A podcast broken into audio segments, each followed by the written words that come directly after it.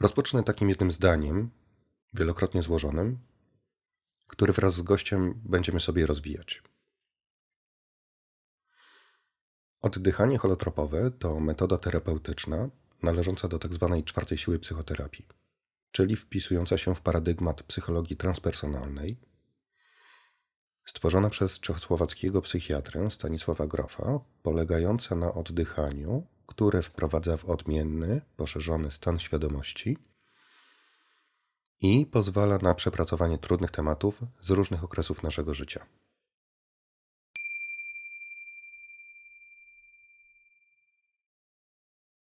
Dzień dobry. Adam Kamiński w podcaście Wystarczająco Dobry Człowiek. A naszym dzisiejszym gościem jest Tomasz Kwieciński, coach, facylitator Growth Transpersonal Training oraz osoba, która przeprowadziła tę metodę pracy terapeutycznej do Polski. Prowadzi warsztaty oddychania holotropowego w Polsce, w Europie i w zasadzie na świecie. Jest autorem książki Follow the Call Terapeutyczne doświadczenia w poszerzonych stanach świadomości. Tomasz jest w trakcie szkolenia w psychologii behawioralnej. Kształci się również w kierunku psychoterapii z użyciem ketaminy i pracuje w Ketamin Clinic. Zapraszam Was do wysłuchania odcinka. Tomku, bardzo Ci dziękuję za, mm, za możliwość dzisiejszego spotkania. Będziemy sobie dzisiaj mówić na temat, na temat oddychania holotropowego, ale ono bardzo często referuje do poszerzonych, odmiennych stanów świadomości. I myślę, że to jest e, super istotne, żebyśmy na początku powiedzieli sobie, jakoś złapali definicję, czym są te odmienne stany świadomości.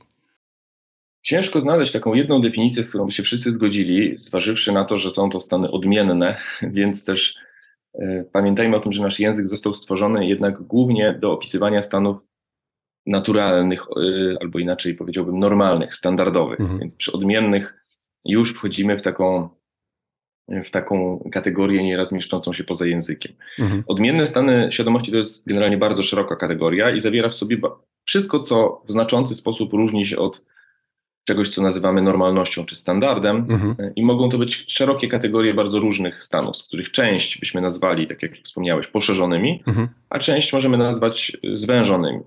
Przykładowo klasyczne takie upojenie alkoholowe jest z pewnością odmiennym stanem świadomości. Ludzie się zachowują inaczej, inaczej płynie czas, może nastąpić pewien, pewien nawet czasowy przeskok w osobowości, ktoś może robić rzeczy, których by w innych okolicznościach nie zrobił. Mhm. Natomiast y, nie nazwalibyśmy go raczej w 99,99% sytuacji poszerzonym stanem, Aha. ponieważ raczej alkohol będzie działał w ten sposób, że wyłącza pewne obszary mózgu Aha. i w związku z tym się te różne zmiany zadziewają. Natomiast rzadko kiedy ludzie mają poczucie, że dotarli bardziej w głąb siebie pod wpływem tego alkoholu, czy że zobaczyli jakąś kompletnie inną perspektywę na, na życie. Czy to, czy to jest kawałek definicji właśnie poszerzonych stanów świadomości, że można zobaczyć sobie coś więcej, siebie albo świat z innej perspektywy? Myślę, że tak. Myślę, że to bym, to bym, e, to bym ujął e, w tej definicji.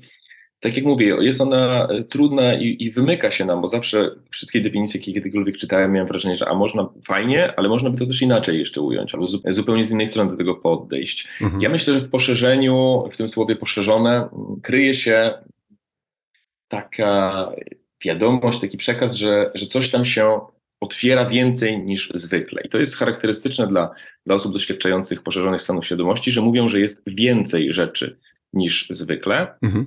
W ich świadomości, co często generuje pewne trudności. Oczywiście, jak sobie łatwo wyobrazić, ciężko prowadzić samochód w takim stanie poszerzonym, gdzie mamy więcej bodźców niż zwykle, bo nie jesteśmy w stanie się skupić na prowadzeniu samochodu. Mhm. Więc też chcę zaznaczyć, że z jednej strony poszerzone nie jest y, bezkosztowe. Jasne. Nie można być po prostu sobie wszystkiego poszerzyć i to nie jest tak, że wtedy się wszystko robi lepiej, mhm. tylko że ten natłok wrażeń, nowych informacji, również pewnych kwestiach może przeszkadzać, zwłaszcza takich techniczno-operacyjnych, również czasem interpersonalnych, mhm. o czym pewnie będziemy sobie w trakcie mówić, że po prostu jest zbyt dużo różnych bodźców, które musimy wziąć pod uwagę. Natomiast charakterystyczne jest to odczucie, że jest ich więcej, że widzimy więcej niż zwykle, że mamy dostęp do rzeczy, które są zazwyczaj bardziej ukryte, mhm. a tutaj one się, się odsłaniają. Mhm. Więc to bym powiedział jako coś, co dla mnie jest najbardziej charakterystyczne. I oczywiście z tego wynikają różne perspektywy, różne emocje, których wcześniej nie czuliśmy, bo były gdzieś schowane, mhm. mhm, mhm. różne nowe aspekty naszego ja.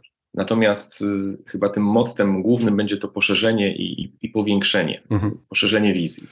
Wiesz to, bo ja mam takie wrażenie, że poszerzone stany świadomości to tak społecznie są uznane za taki dziwoląg, za takiego kotojelenia trochę.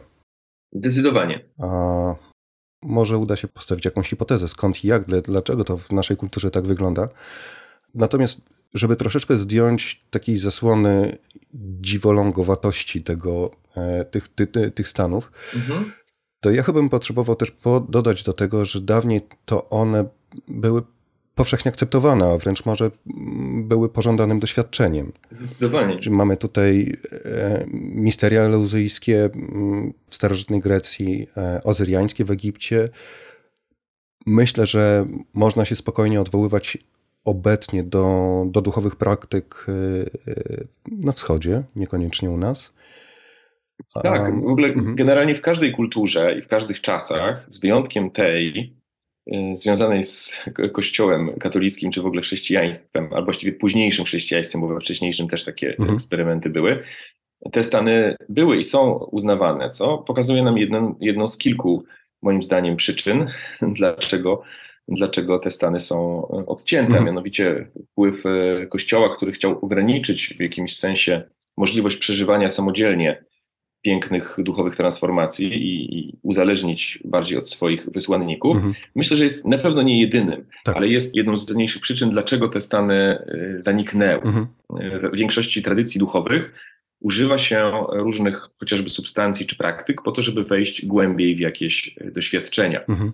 Czy to będzie haszysz w, w, arabskich y, niektórych ceremoniach, czy różnego rodzaju inne rośliny, czy grzyby, których może nie będę tutaj już wymieniał, bo, bo obawiam się, że nie starczy nam czasu. Mhm. A co ciekawe, mm, w katolicyzmie mm, nie ma specjalnie odpowiednika tego. No, jeśli pominiemy ten symboliczny kieliszek wina, który symbolizuje krew Chrystusa, który nie sądzę, żeby wprowadzał, y, jeśli już to tylko prowadzącego księdza w jakiś odmienny stan, y, to tak naprawdę tego nie ma. I to jest bardzo ciekawe, że w tej religii po prostu zostało to usunięte. I myślę, że jest to jedna z istotniejszych przyczyn, czyli zostało zerwane trochę w świadomości społecznej połączenie odmiennych stanów świadomości z boskością i świętością. A biorąc pod uwagę, że, że przez długi czas nie można było się za bardzo wychylać z tym, że ten model nam nie odpowiada tej duchowości i świętości, mhm. a w dzisiejszych y, czasach w naszym kraju no, można się wychylić i powiedzmy nie zostaniemy za to spaleni na stosie, ale nadal w wielu środowiskach nie będzie to zbyt dobrze odebrane. Tak. Myślę, że to jest jedna, jeden z istotnych elementów. Mhm.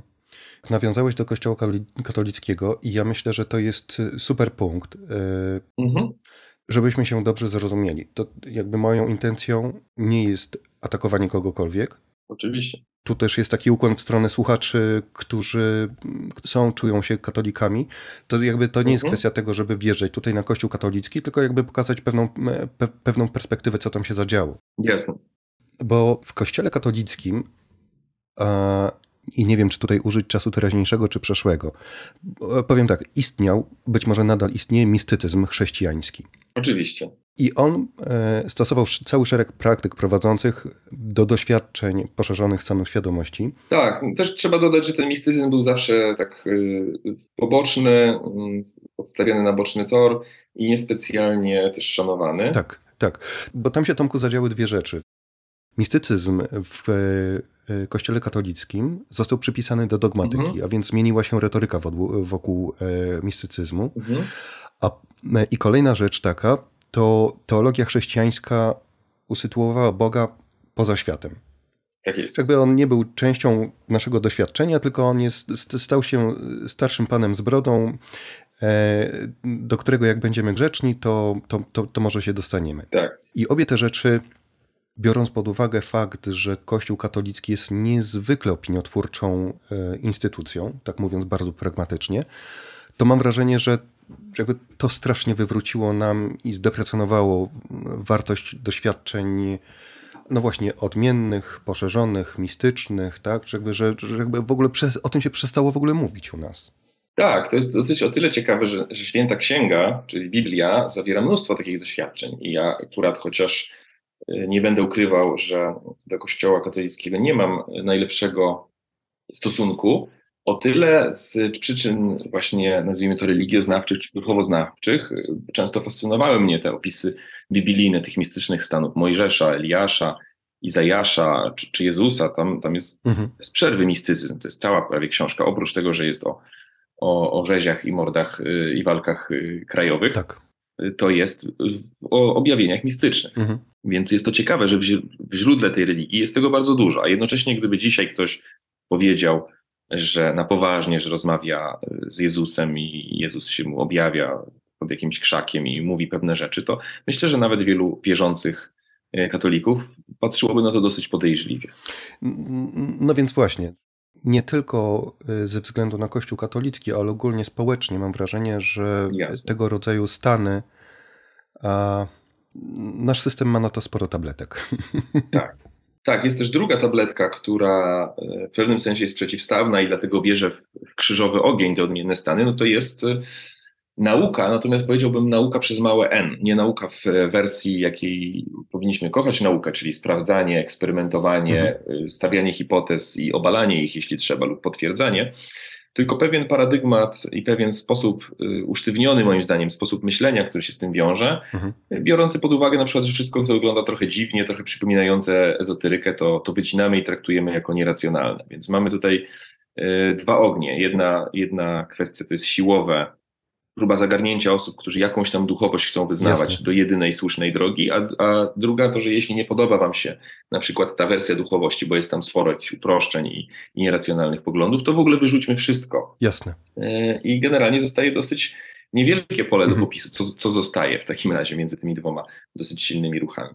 Tak, to jest, to jest niezwykle trafny punkt jeszcze na sekundę dosłownie zostając przy poszerzonych stanach, mhm. bo jakby one są cały czas bardzo istotne wokół, wokół tego, co dalej będziemy mówić. Oczywiście. W swojej książce przytoczyłeś mnóstwo przykładów na to, w jaki sposób można osiągnąć e, odmienne, poszerzone stany świadomości. Mhm. No i e, tak, od, przeszedłeś od głodówki, e, od osobni medytacyjnych, e, tu komora deprywacji sensorycznej bardzo brzmi też ciekawie. Mhm poprzez enteogeny, ale również właśnie przez oddychanie. I tutaj właśnie powoli mhm. zbliżamy, się, zbliżamy się do brzegu.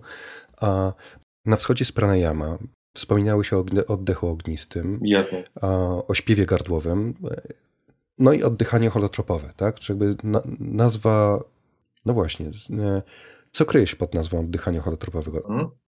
W dużym skrócie, zaczynając od, od y, samego początku, mhm. chodziło o to, że twórca tej metody, Stanisław Grof, y, psychiatra, zaczynający swoją karierę od szpitalu psychiatrycznego w Pradze, był y, odpowiedzialny za prowadzenie psychoterapii na bardzo ciężko zaburzonych pacjentach z użyciem LSD. W czasach, kiedy to było zupełnie legalne. I miał spektakularne wyniki tej terapii. Mhm. Na tyle ciekawe, że w końcu zaproponowano mu też e, wyjazd do Stanów w związku z tym.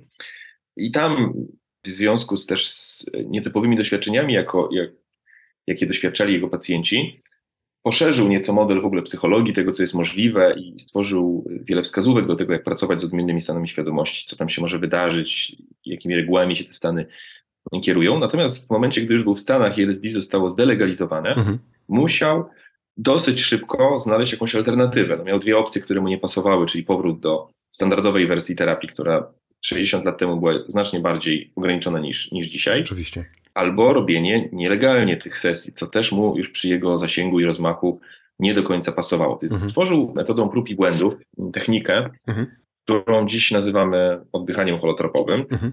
W jego starszych książkach on sam jeszcze pracował nad tą nazwą. Pamiętam, że, że w jednej z książek nazywał to jeszcze integracją holonomiczną. Mhm bo tak to, tak to dopiero, wtedy to dopiero powstawało. I tam oddech pełni jedną z ważnych funkcji, mhm. ale nie jedyną. Jasne. E, wiem, że, że, w internecie, szczególnie w polskim, ale też z tego, co widziałem za granicą, e, cały proces oddychania holotropowego jest sprowadzony do oddechu i to mylnie, często do, do samej hiperwentylacji, której tak naprawdę w oddechu holotropowym jest mało. Jasne. Do niej jakoś szczególnie nie zachęcamy. I sprowadza się też całą tą metodę właśnie do przetlenienia co oczywiście zgodnie z, z tym, co pisze wielu krytyków, e, jest oczywiście kompletnie bzdurą, bo samo przetlenienie nie jest w stanie wywołać bardzo wielu głębokich, terapeutycznych i transformacyjnych przeżyć, jakie faktycznie ludzie przeżywają na oddychaniu holotropowym. Mhm. Więc chciałbym to bardzo wyraźnie zaznaczyć, że ta nazwa jest o tyle niefortunna, że faktycznie przykłada ogromną wagę do oddechu, gdzie jest to jedna z istotnych, ale nie najistotniejsza moim zdaniem mhm. rzecz. I gdybym miał ocenić proporcjonalnie, ile ten oddech ma wpływu na proces oddychania, to bym powiedział, że od 10 do 20%. Mhm. Jest tam też wiele innych czynników, które tworzą z tego coś w rodzaju pomostu między nowoczesną metodą y, doświadczalnej psychoterapii, a między klasyczną, taką szamańską ceremonią. Mhm. Jest to coś, co wyciąga moim zdaniem obie najle najlepsze cechy z obu tych podejść. Gdybyśmy sobie rozbili tę nazwę na oddychanie y, i już sobie powiedzieliśmy o tym, że to samo oddychanie to jest samo około 15-20% całej treści tej sesji terapeutycznej. Mhm. Nie wiem, czy mogę użyć takiego sformułowania. Myślę, że można. Mhm. I mamy drugi człon, i to jest właśnie ten kotojeleń holotropowy. Mhm. O co tu chodzi? Tak, jest to słowo nowe, stworzone specjalnie pod tą metodę, więc jasne jest, że ono nie jest używane w innych też kontekstach i zastanawia ludzi często. Mhm. Słowo to pochodzi z greki holos, słów holos i trepein i oznacza w takim luźnym tłumaczeniu zdążenie w stronę całości, mhm. ruszanie się w stronę e, całości. Co brzmi ładnie, ale oczywiście może się pojawić pytanie, jakiej całości, kto się rusza i, i o co tutaj chodzi. No tak. Ja tutaj widzę przynajmniej trzy, trzy poziomy. Nie wiem, na ile, na ile tutaj to, chciałbyś, żeby to rozwinąć. Tomku, rozwiń, a, a, zobaczymy, ewentualnie będziemy się hamować, dobra? Pewnie. Mhm. Więc powiem krótko o tych trzech poziomach. Pierwszy to byłby poziom duchowy, mhm. nawiązujący do tego, że wiele osób w trakcie doświadczeń e, holotropowych przeżywa jakąś rodzaj, jakiś rodzaj mistyki, jakiś rodzaj przeżycia duchowego, mhm. cokolwiek to znaczy, i to mówimy zarówno o wierzących e, konkretnie danych, danej religii, o osobach nie definiujących się jako religijne, lecz bardziej duchowe, ale również o ateistach, którzy są zdziwieni, że takie doświadczenie im się mhm. pojawiło. I w, w, w założeniach wielu nurtów duchowych mamy coś takiego jak to, że jesteśmy już całością, tylko tego nie rozpoznajemy i naszym głównym zadaniem na tej ścieżce duchowej jest rozpoznać to, kim już jesteśmy. Mhm. Mamy to w pewnej wersji w buddyzmie, w pewnej w hinduizmie, tak. ale również w mistycznych odłamach chrześcijaństwa czy islamu też to znajdziemy. I Jezus też takie wskazówki wyraźnie daje, że chodzi o rozpoznanie, o zobaczenie, bo to wszystko już jest, już jest teraz, mhm. już, się, już jest y, spełnione, tylko, tylko tego nie widzimy. Więc to jest ten jeden element, który jest moim zdaniem ważny. Na oddychaniu ulotropowym mogą spaść te zasłony i możemy zobaczyć e, tą duchową prawdę taką, jaka, mhm. jaka ona jest według tych różnych tradycji. Mhm. E, drugi poziom to jest poziom terapeutyczny, gdzie możemy potraktować mm, człowieka, który wychował się w naszym opresyjnym systemie, jako kogoś, kto nie jest całością, jest niepełny, został w jakiś sposób mniej lub bardziej, w sposób, który nazwalibyśmy standardowym lub patologicznym czasem, mhm. E, skrzywiony podczas procesu wychowania. Pewne jego naturalne odruchy zostały zablokowane, czasem to będą pewne emocje, czasem to będą pewne zachowania, czasem to będą pewne archetypy czy postawy. Mhm.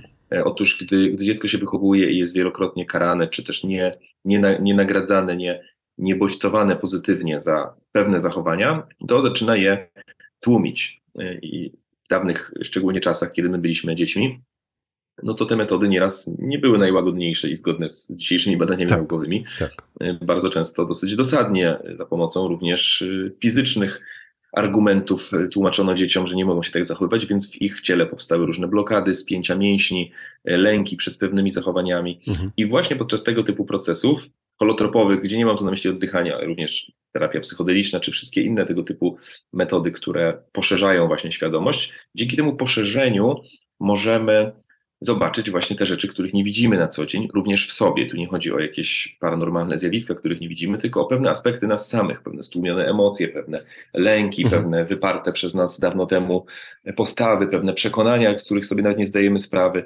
I w ten sposób, pozwalając sobie na przykład wyrazić pewne rzeczy, wypłakać jakieś emocje sprzed wielu lat, wykrzyczeć jakieś niewyrażone, pełne złości komentarze na przykład, mhm sięgnąć po więcej, po to, czego przez wiele, wiele lat nie mogliśmy sięgnąć, w ten sposób psychologicznie zdążamy w stronę całości. Jasne. I trzeci poziom, który przyznam, że odkryłem po wielu latach, to był poziom takiego doświadczenia zbiorowego, grupowego. To, co, to co w oddychaniu holotropowym, jakby w samej istocie tej metody, przez interwencję facylitatorów, ale też relację oddychającego z, z iterem, niedyrektywność tej metody, mhm. z tego wybrzmiewa pewien rodzaj symbiozy międzyludzkiej, pewien rodzaj współpracy, pewien rodzaj, jak to mówią w nonviolent communication, to jest power with, a nie power over, czyli to jest moc, którą wspólnie wykorzystujemy, żeby stworzyć coś lepszego, y, opartego na współpracy, a w przeciwieństwie do mocy, którą wykorzystujemy, żeby zdominować drugiego człowieka. Mhm, mhm. I, I podczas samej pracy holotropowej mamy tego na tyle dużo, że ta energia praktycznie zawsze będzie rozprzestrzeniać się na całą grupę i dochodzi do pewnego fenomenu takiej, takiego zbiorowego połączenia, które zawsze mnie dziwi, szczególnie dziwi oczywiście osoby, które są pierwszy raz, ale mnie to dziwi, że to jest tak bardzo powtarzalne, mhm.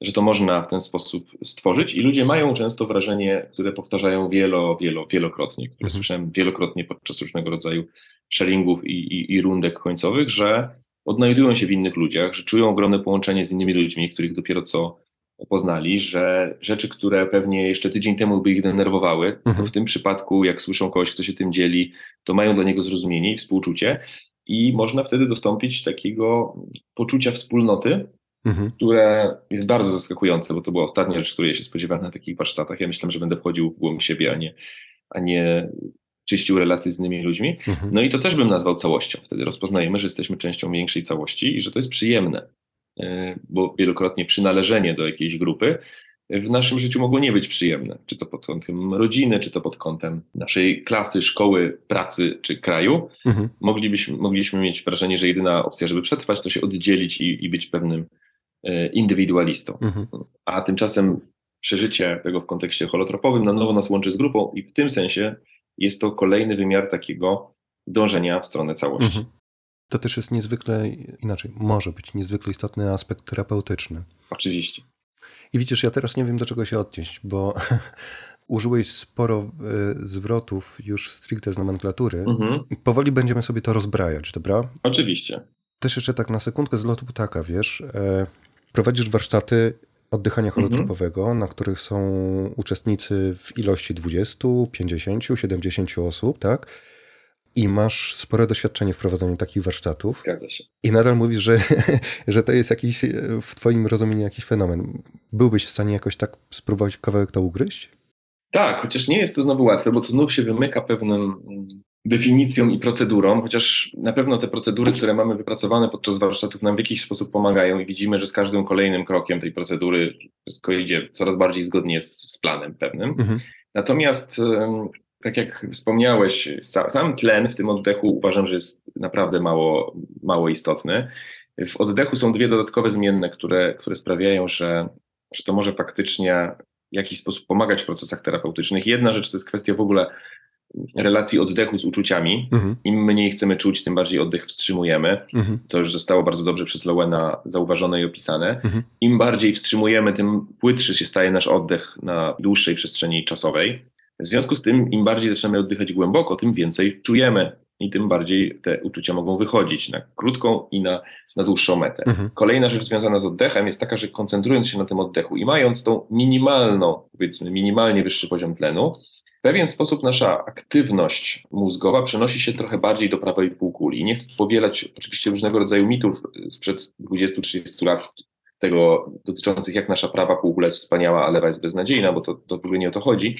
Natomiast faktem jest, że trochę nasz umysł konceptualny wtedy się wyłącza, co jest bardzo podobne do zastosowania substancji psychodelicznych. Mhm. Trudniej będzie nam myśleć o niewystawionych fakturach, o kalendarzu i o wszystkich tak zwanych logicznych, proceduralnych, mentalnych rzeczach. Mhm. Natomiast wkraczamy bardziej w przestrzeń taką emocjonalno-intuicyjną, mhm. Niektórzy porównują to do snów, mhm. gdzie ta przestrzeń staje się bardziej symboliczna. Są mhm. też pewni terapeuci, którzy porównują to do bardziej zwierząt i takich ssaczych impulsów. Bardziej jesteśmy w ciele, mhm. bardziej czujemy pewne uczucia, które są gdzieś w nas, będąc trochę poza tym kontekstem mhm. myślenia i planowania, łatwiej nam jest odczuć to, co się dzieje we wnętrzu nas. Trochę jak taki, jakbyśmy cofnęli trochę do właśnie do ciała, do takiego ssaka, który już się nie zastanawia nad tymi e, rzeczami, które ma jutro zrobić, a bardziej przeżywa to, co się, się dzieje w nim. Więc ten oddech w połączeniu też z głośną muzyką, mhm. która faktycznie najczęściej jest na tyle głośna, żeby również utrudniała trochę proces tego myślenia i bardziej pomagała nam wejść w ten umysł intuicyjny, mhm. stanowią taką bazę mhm. tego doświadczenia. Mhm. Natomiast jest jeszcze wiele bardzo ważnych y, kwestii w tym procesie, jak chociażby oczywiście zawiązane oczy, mhm. ale też zachęta do ekspresji. Zauważyliśmy, że ten model może zadziałać tylko wtedy, kiedy zachęcamy uczestników do ekspresji. Tlen plus y, oddech plus głośna muzyka plus proces grupowy mhm na razie się odniosę tylko do malutkiego elementu tego, że obok nas mogą być osoby, które również krzyczą i płaczą, mhm. to wszystko sprawia, że zaczynamy bardzo często intensywnie przeżywać różne rzeczy, intensywnie czuć. Mhm. No i mamy wybór, co zrobimy z tymi odczuciami. Gdybyśmy próbowali je stłumić i zachowywać się normalnie, i takie by było zadanie, podejrzewam, że ten e, oddech i muzyka niewiele by zmieniły. Mhm. Ewentualnie by ludzie powiedzieli, że czuli się dziwnie, bo coś czuli, ale mieli nie czuć, więc, mhm. więc jest większa konfuzja. Natomiast w przypadku, kiedy zachęcamy do pełnej ekspresji pod każdym możliwym względem, czyli cieleśnie, przez ruchy i pogłębianie często intensywnych ruchów, takich jak drżenie, kopanie, uderzanie, mhm. E, szarpanie się z kimś, mhm. E, przez głos, gdzie nieraz, nieraz będą ludzie płakać, krzyczeć i wydawać z siebie bardzo, bardzo różne odgłosy, mhm. aż po pewne sposoby na pogłębianie tych procesów, zaczynając od bodywork, y, czyli dociskania pewnych części ciała, które mogą y, boleć, czy może w nich powstawać napięcie, aż po kontakt fizyczny, trzymanie ludzi za rękę, czy, czy przytulanie, gdy tego potrzebują, które również pogłębiają pewne procesy. Tutaj widzę, że jest kolejny jakby kamień, kamień taki milowy, mhm w odpowiedzi na pytanie, dlaczego to działa. Po prostu, jeśli pozwalamy na tę ekspresję, mhm. to po pierwsze uwalniamy to, co się od samego oddechu i muzyki w nas dzieje, ale też mam wrażenie, że to jest jakiś sposób dorzucania do pieca. Jasne. Że pewne nasze psychiczne mechanizmy, o których z tego co pamiętam też chciałeś później porozmawiać, sprawiają, że tak jakby był ktoś w nas w środku, który mówi: OK, jesteś gotowy, widzę, że wchodzisz w to na poważnie, to dorzucę ci jeszcze więcej, wyrzucę ci jeszcze więcej z tej piwnicy rzeczy. Jasne. Więc sama ta ekspresja mi się wydaje, że nie tylko jest sposobem rozładowania mm, tych elementów, które się pojawiają przy oddechu i muzyce, co również elementem y, kreacji nowych procesów. Mhm. E, odnośnie tego, co powiedziałeś, że pojawia się jakaś postać, która mm, widzi, że coś się dzieje, więc jakby pozwala na dorzucenie więcej. W oddychaniu holotropowym mm, w nomenklaturze pojawia się takie sformułowanie inner healer, mhm. wewnętrzny uzdrowiciel. Tak. Pierwsze pytanie to jest takie, czy tę postać y, miałeś na myśli? Tak. A drugie, co to jest za postać? To jest znowu dość skomplikowane pytanie i nieraz nawet wśród facylitatorów sobie dyskutujemy na ten temat, że ciężko jest to słowami nieraz opisać po raz kolejny. Niemniej spróbuję. Znowu zaczynając od historii. Grof odkrył, nie mając kompletnie wskazówek w tamtych czasach, jak powinno się to robić, mhm. on próbował wszystkiego i odkrył, że wbrew temu, co oczywiście wtedy w terapii było jedynym obowiązującym paradygmatem, że nie zawsze, właściwie wręcz przeciwnie, prawie nigdy rozmowa z osobą pod wpływem na początku LSD lub pod wpływem procesów oddechowych, ta rozmowa nie prowadzi często do niczego. Mhm. Że człowiek jest w tak innym stanie, że nie potrzebuje rozmawiać, że ten terapeuta mu przeszkadza. Po pierwsze, w ogóle skupianie się na rozmowie jest wystarczająco trudne, y, a po drugie, terapeuta często będzie narzucał, nawet doświadczony, nawet empatyczny, pełen zrozumienia terapeuta będzie narzucał swoje pomysły mhm. do takiej sesji, które w danym momencie mogą nie być kompatybilne z procesem, który jest na wierzchu zarządzany tak, wewnętrznie i jest na wierzchu. Mhm. Można by to trochę porównać do takich chociażby procesów jak poród, gdzie położne, akurat miałem przyjemność być przy dwóch porodach, z czego jeden był w domu, o, e, mhm. i położne bardzo podkreślały, jak ważne jest e, u kobiety podążenie za jej ciałem, że to ona wie, kiedy jest czas, ona wie, jaką ma przybrać pozycję, ona wie, czego, czego potrzebuje i ten proces trwa miliony miliony lat, zależnie, zależnie od tego, gdzie umiejscowimy początek człowieka i, i ciało wie, jak to zrobić, mhm. Tak długo, jak oczywiście nie ma jakichś wyjątkowych komplikacji i to nie one będą jej mówić, jaką ma przybrać pozycję, czy ma rodzić w wannie, czy ma rodzić w takiej, że, że po prostu one będą ten proces nomen omen właśnie facylitować, mhm. y, wspierać w trudnych sytuacjach, natomiast cała praca, zarówno pod kątem oczywiście wysiłku i bólu, ale też odkrycia, e, jaka pozycja, mhm. kiedy, mhm. ile, należy do osoby, która przeżywa ten proces. I na podobnej zasadzie Grof zauważył, że ta rozmowa nie pomaga, że ludzie są bardziej skonfudowani i zobaczył, że ma o wiele lepsze wyniki, jak po prostu położy tych ludzi i puści muzykę, która jest odpowiednia i pozwoli im, żeby oni sami swój proces e, facylitowali w ten sposób, też bez żadnych koncepcji, że trzeba przejść przez jakieś etapy, czy trzeba przejść przez, dojść do jakiegoś celu, mhm. tylko zgodnie z prostą zasadą wyrażajmy, przeżywajmy to, co się dzieje w tej chwili. I on zobaczył, że tak, tak długo jak na to pozwalamy, tak długo te procesy będą miały pewną wewnętrzną logikę. Mhm. Trochę jakby jakiś bardzo nieraz doświadczony scenarzysta e, odkrywał kawałek po kawałku coraz większą tajemnicę, gdy chodzi tutaj o na przykład odkrycie jakiejś rzeczy z przeszłości, jakichś schematów z przeszłości. Jasne. Tudzież e, pokazywał jakieś alternatywne możliwe sposoby zachowań. I Grof po jakimś czasie, nazywając to jakąś wewnętrzną inteligencją czy wewnętrznym radarem, który steruje tymi doświadczeniami i mhm, potrafi mhm. naprawdę w niesamowity sposób składać w całość pewne doświadczenia albo tworzyć terapeutyczne metafory, mhm. które trafiają do kogoś po prostu w 100% całym sercem mhm. i 100 terapeutów mogłoby się nad tym głowić latami i by nigdy na coś takiego nie wpadli. Jasne. Więc on, widząc ten wewnętrzny mechanizm, w którym momencie nazwał go inner healer lub inner healing wisdom, Jasne. czyli wewnętrzny uzdrowiciel, czy też uzdrowicielka, bo pamiętajmy, że w angielskim tej płci nie ma tak jasno zaznaczonej, albo też wewnętrzna uzdrawiająca mądrość. Przy czym zawsze też podkreślał, żeby nie, nie wierzyć w takie mityczne e, spojrzenie na to, że tam siedzi jakiś ludzik w mózgu i mówi, o teraz pokażemy to, a to tamto. Raczej ten proces przypomina takie gojenie ran, gdzie jeśli się skaleczymy, to też nie ma nikogo w środku, kto mówi, a teraz y, odpalajcie leukocyty i tak, teraz tak, tak, zaczynamy tak, tak, krzepnięcie krwi i tak dalej. Tylko po prostu nasze ciało wie, jak to zrobić. I to jest o tyle też fajna metafora, że nasze ciało wie i to ono to robi. Nawet małe dziecko też to potrafi i nie musi o tym specjalnie myśleć. Małe dziecko może nie mieć jeszcze koncepcji, czym jest krew, a jednocześnie potrafi go, zagoić sobie rany, jej ciało, jasne, jasne. jego. Mhm. E, a tym ale jednak jest pewna rola tutaj dla tak zwanego facylitatora, którym możemy być my albo jakiś pomocnik z zewnątrz, czyli zabezpieczenie tej rany, umycie, zabandażowanie, czyli zrobienie jakiejś podstawowych opieki nad tym procesem krwawienia. Natomiast znowu, całą pracę musi zrobić ciało za pomocą procesów nieświadomych i starszych od nas o wiele, wiele tysięcy, czy też, czy też milionów lat. Więc widzę tutaj pewną analogię, że ten, ten czy ta inner healer jest gdzieś w nas, trochę jest w tym pewna tajemnica, natomiast takie słowo wytrych, zdanie wytrych, że po prostu tak to działa i trzeba się temu poddać, nieraz będzie w zupełności wystarczyć. Jasne. Tak jak u siebie to obserwuję, to wiesz, ja mm, lubię mieć sprawy nazwane, poporządkowane i tak dalej, ale jakby mhm. e, też rozumiem, że w, w, świecie, o którym mówimy, niekoniecznie wszystko musi być nazwane, nie wszystko jest dosłowne i tak jak powiedziałeś na początku, co mi się bardzo podobało, poruszamy się trochę po świecie symboli. Tak. Natomiast są też takie elementy, bo jako też ktoś, kto, kto pracuje za pomocą psychoterapii behawioralnej, bardzo takiej, powiedziałbym, twardej, opartej na badaniach, no więc właśnie, gdzie, tak. gdzie jest trochę mniej y, miejsca na różnego rodzaju procesy symboliczne, ale tam też, y, w, szczególnie w, w, tej części, która się skupia na pracy z tożsamością, tożsamościami i, i, i generalnie nauki klienta, że, że nasza tożsamość to coś znacznie więcej niż prosty koncept na nasz temat, typu twardy mężczyzna albo dobry ojciec, mhm. że jesteśmy kimś znacznie, znacznie, znacznie więcej niż ta rola, którą próbujemy odegrać to tam również bardzo często w ramach standardowych procesów terapeutycznych próbuje się znaleźć jakąś taką część w nas, która wie, która jest mądra i wie, która jest niejednokrotnie przykryta mhm. przez bieżące problemy, które zasłaniają jakby całość obrazu.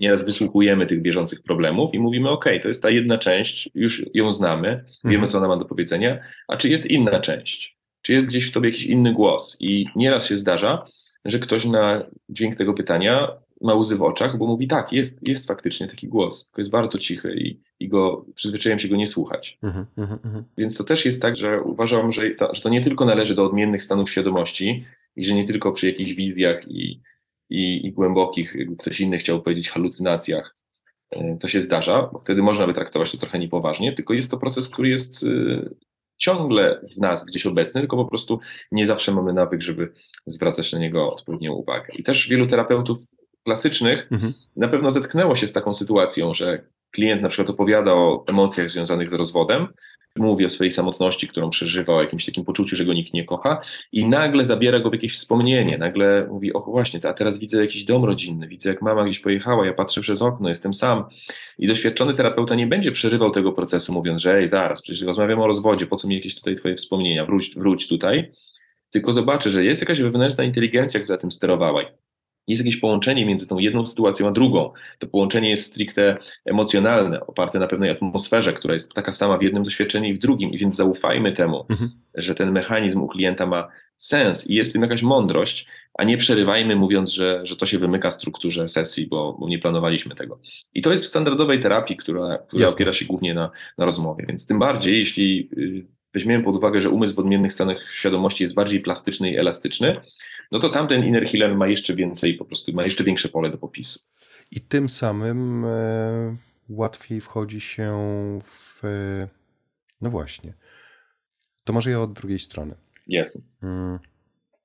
Chyba najbardziej popularną formą oddychania holotropowego są warsztaty. Mm, jakby te, to, mhm. to, jest taka informacja, wiesz, której mi brakuje, bo żeśmy powiedzieli, że obok na materacu ktoś leży i tak dalej, nie? Żeby, żeby złapać jakieś ramy. Oczywiście. Czyli taką najbardziej popularną formą oddychania holotropowego są warsztaty, na których może być e, dużo ludzi i nie wiem, czy to jest mit, czy nie, czy to, to, to jakaś taka e, urban legend, że Grof wymarzył sobie, żeby stworzyć warsztaty na tysiąc osób. A... Tak, jest, jest gdzieś taka plotka, y, nie słyszałem tego bezpośrednio od niego, natomiast te warsztaty się też nie odbyły, więc nie ma takiego dowodu, y, że, że czy, czy nie jest to plotka. Czy... Ale to pokazuje jakby siłę rażenia. Jakby, że, tak. że za jednym zamachem, tak, że jakby na jednym warsztacie, który trwa dwa, trzy, cztery dni, jakby może oddychać tak, tak. tak, e, tak dużo ludzi. Niemniej od razu mhm. ciągnie mnie by dodać, że taki warsztat na tysiąc osób się wiąże dla mnie z ogromnym logistycznymi i też terapeutycznymi wyzwaniami. Mhm. To musiałaby być praca w jakimś ogromnym teamie specjalistów, jak te osoby w odpowiedni sposób e, Jasne. Przede wszystkim w ogóle zbadać, czy one się nadają do tych warsztatów, bo my to robimy przy 50 osobach i to jest wystarczająco dużo pracy. Mhm. Przy tysiącu to jest po prostu coś, jakieś wyzwanie E, typu wysłanie człowieka w kosmos po prostu dla, dla, dla firmy, która do tej pory latała helikopterem do innego stanu. Rozumiem. Więc tak, chcę, chcę dodać, że, że, to musiałoby być z pewnymi wyzwaniami. Mhm. To zostawmy sobie te tysiąc osób na bok, żeby zostańmy przy 50, mhm. co i tak jest naprawdę niebywałą ilością. Dokładnie. I że taki warsztat to są trzy etapy. Pierwszy to jest przygotowanie się, mhm. które i tutaj jakby taki początkowy punkt y, można wyznaczyć na przykład w miejscu, w którym podejmuje się już decyzję mhm. do tego, żeby wziąć udział w takim warsztacie, bo już ta wewnętrzna mądrość mhm. zaczyna w jakiś sposób y, dochodzić do głosu. Może niekoniecznie jeszcze jawnie, ale już jakby coś się zaczyna tak. dziać. I potem jest sama sesja oddechowa, która chyba jest najkrótszym tak. fragmentem całego tego procesu, tak? Żeby, bo ona mhm. trwa około 3 tak. godzin. Tak. gdzie faktycznie leży się na materacu, gdzie faktycznie ma się zamknięte mhm. oczy i, znaczy z tym leży na materacu, to tak różnie bywa, ale zaczyna się od pozycji leżącej, tak.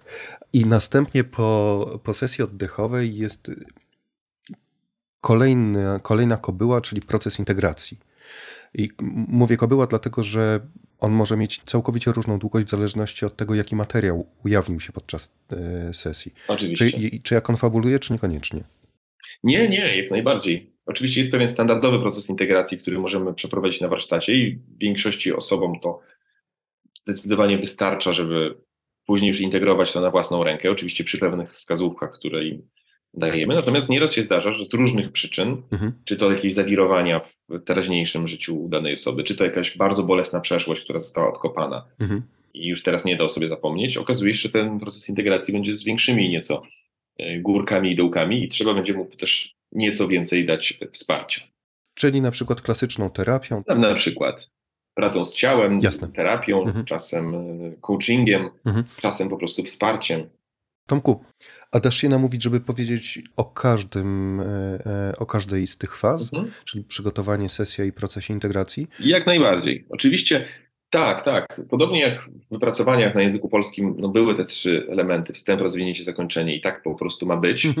Tak samo też się pisze podręczniki dla scenarzystów, że najpierw jest wstęp, zawiązanie akcji do momentu, w którym następuje pewien pierwszy zwrot akcji, powstaje tak zwany problem, którym w filmie bohater będzie się musiał borykać. Mhm. Później jest druga część, tak zwany właśnie akcja właściwa. Mhm aż do drugiego zwrotu akcji, w którym bohater odkrywa lub też przegrywa, jeśli, jeśli jest to film artystyczny i kończy się źle, e, przegrywa finalnie, czyli kulminacja akcji i później mamy pewnego rodzaju zakończenie. Mhm. Grecka tragedia, tak? Dokładnie, dokładnie. Więc, więc to są takie standardowe elementy i podobnie jest przy moim zdaniem każdej profesjonalnej pracy w odmiennych stanach świadomości. Mhm. Czyli musi być jakiegoś rodzaju przygotowanie, mhm. musi być oczywiście sesja, danie główne e, i coś po tej sesji jakiegoś rodzaju integracja. No też możemy to porównać do startu samolotu e, i, i lotu, i, i lądowania. Mhm. Więc te wszystkie trzy elementy są bardzo ważne i niestety większość osób skupia się na samej sesji. Mhm. Szczególnie mówimy tu oczywiście o użytkownikach substancji psychodelicznych. ale też w wielu innych miejscach jest taki kult tej sesji, że ta sesja jest, jest kluczem i wiele osób... Przepraszam, tylko, że Mhm. ci wchodzę w słowo, ale powiedzieć bardzo ważną rzecz. Pewnie. E, szczególnie wśród użytkowników e, substancji psychodelicznych. E, Jeśli chodzi o użytkowników sub- substancji psychodelicznej, to z dwóch powodów. Po pierwsze, dlatego, że jest tam dużo osób tak zwanych przypadkowych, których nie, którym nie zależy na, e, na jakimś głębokich transformacjach, albo jeśli to niech się to wydarzy przypadkiem, Mhm. oni mogą mieć największy problem oczywiście, bo substancje psychodeliczne nieraz nie mają litości, jeśli ktoś podchodzi do nich bez szacunku i bez przygotowania. Mhm. E, Kolejną kwestią jest to, że w ogóle często po substancje psychodeliczne sięgają osoby, którym się trochę nie chce innych metod użyć, bo wiadomo, że łatwiej jest zjeść sobie trochę grzybków niż na przykład chociażby być na warsztatach, gdzie przez te trzy dni się trzeba przygotowywać, mieć jakiś specjalny oddech, Mhm. czy też zamykać się na tydzień w jaskini w ciemności i albo nie jeść, czy wejść na specjalną dietę, czy, Tak. czy wielodniowy taniec, który jest bardzo wyczerpujący. No różne rzeczy inne wymagają jakiegoś naszego wysiłku. Substancja nieraz nie. Mhm. Więc też jest tam pewnie nadreprezentacja osób, które, którym się trochę nie chciało użyć innych metod. Więc Mhm. jeśli im się nie chciało użyć innych metod, to pewnie im się też nie chciało przygotowywać i integrować. Mhm. I trzecia rzecz związana z, już z obecnymi czasami i pewnym renesansem psychodelicznym, który, który mamy poprzez to, że w mediach y, pisze się o nowych badaniach, na Netflixie widzimy nowe filmy Tak. na temat tego, że psychodeliki jednak mogą pomagać. Mhm. I tutaj spotykamy się z pewnym fenomenem ludzi, którzy normalnie by nie byli zainteresowani doświadczeniem psychodelicznym, ale z uwagi na efekty, które są tam obiecywane, typu wyleczenie depresji, e, wyleczenie jakiejś traumy i tak dalej, sięgają po te doświadczenia, Mhm. Mhm. Mhm. bo przeczytali, że to może pomóc. No i nieraz to też się kończy gorzej tak naprawdę niż brak takich doświadczeń, bo właśnie bez odpowiedniego przygotowania, bez odpowiedniej integracji okazuje się, że nie da się tego dobrze nieraz przeprowadzić. A jeśli się udaje, to czasem e, fartem po prostu. Ja użyję może takiego mocno wizualnego porównania, że szambo wylało i nie za bardzo wiadomo, co z tym zrobić. No dokładnie tak. Myślę, że to jest bardzo trafne porównanie. Mhm. Czyli wracając do oddychania holotropowego, mamy to przygotowanie, które jest e, Tak. niezwykle e, istotnym i niepominialnym, absolutnie niepominialnym. To znaczy, jakby nie można wejść na oddychanie holotropowe bez przygotowania, tak?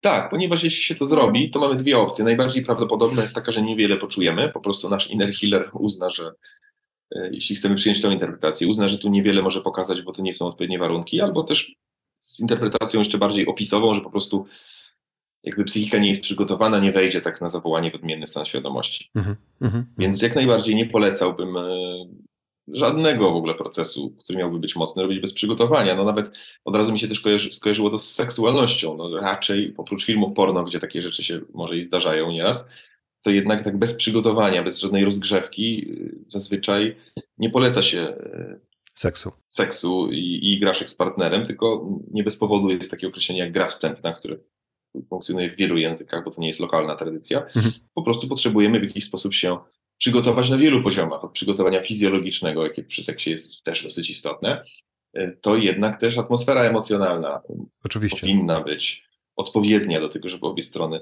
były gotowe pójść, yy, pójść dalej. Więc, więc tak samo tutaj, jeśli komuś położymy nagle i powiemy oddychaj i wejdź w wymienny stan, moim zdaniem w 98% to nie zadziała, a w 2% to może być traumatyczne. Tak, tak bym Czyli wręcz w ten sposób. Okej, czyli jakby to, to mogłoby to się stać taką bronią obusieczną. Dokładnie tak.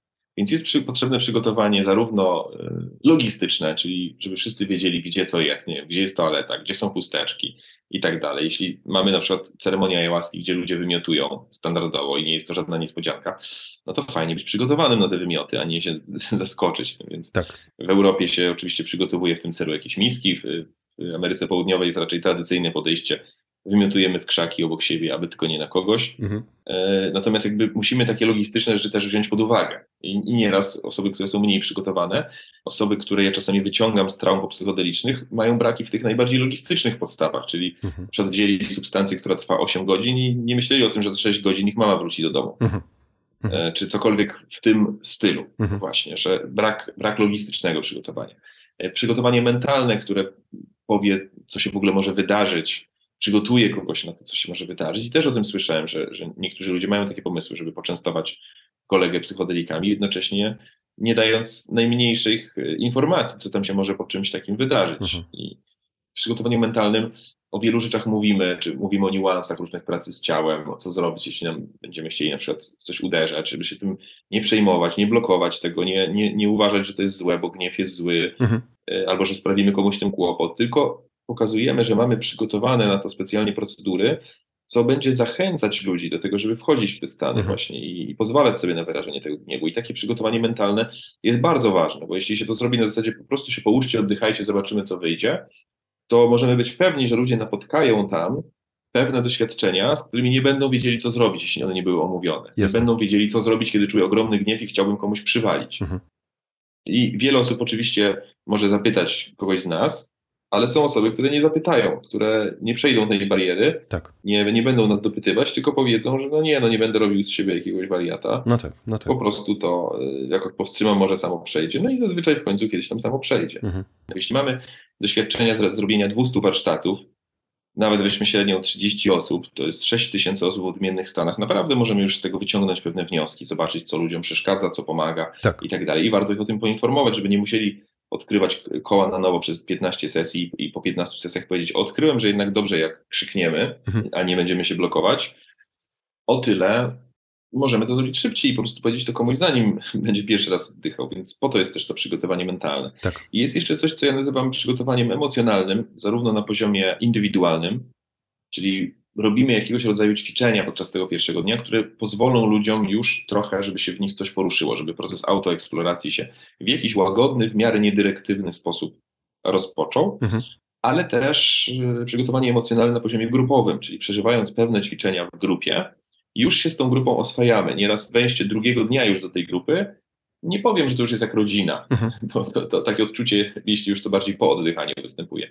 Przed oddychaniem jest poczucie, ok, to znowu ta grupa, z którą wczoraj coś robiliśmy. Mhm. I to jest bardzo ważne, żeby nie zaczynać głębokich procesów od tego, że widzimy się pierwszy raz, siadamy i za godzinę wszyscy jesteśmy w głębokich procesach, bo to oczywiście jakoś tam może wyjść. I wiem, że są settingi, gdzie, gdzie tak się pracuje czasami i nie ma innego wyjścia na to. Jeśli ktoś robi jednodniowy warsztat z różnych powodów logistycznych, finansowych czy, czy jakichkolwiek innych, no to musi to zrobić pierwszego dnia i to też może jakoś wyjść. Mhm. Natomiast dla nas to, to doświadczenie tej integracji grupy przez przechodzenie przez wspólne emocje, zanim jeszcze zaczniemy właściwy proces, jest bardzo ważne, mhm. bo, bo skoro duża część tej pracy opiera się na procesie grupowym, to fajnie, żeby ten proces grupowy zaczął się już wcześniej. Więc te cztery przygotowania, czyli logistyczne, mentalne, emocjonalne, indywidualne, emocjonalne, grupowe, są dla mnie takimi super, hiper ważnymi elementami, żeby móc w podróż wyruszyć. Mhm.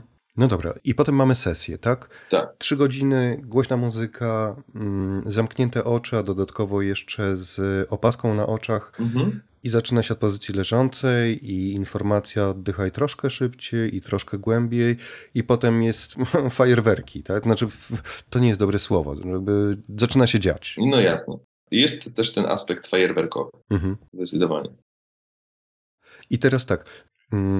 Bo to nie jest tak, że jest koleś, który sobie leży i oddycha i on jest zostawiony sam sobie. Bo wspominałeś o tym, że, że jest bardzo silny akcent położony na bezpieczeństwo tych sesji. Tak, tak. Tak jak wspomniałem wcześniej, oddychanie robi się w parach i to też jest ciekawa historia, którą postaram się krótko odpowiedzieć. Kiedyś oddychanie holotropowe robiło się oddzielnie, każdy oddychał naraz w tym samym czasie i to miało jakieś efekty.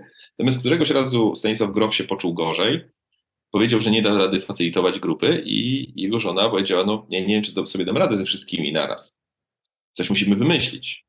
A już ludzie przyjechali, sala gotowa, nie bardzo można było to odwołać, więc stwierdzili, że tak trochę na chybił trafił, spróbujmy uczestników podzielić na pary i będzie tak, że rano jedna część osób będzie oddychać, a druga część będzie siedzieć z tymi osobami jak, takie, jak tacy opiekunowe, jak taki trochę rodzic przy, przy dziecku albo jakiś taki przyjaciel, który akompaniuje przy tej, mhm. przy tej podróży.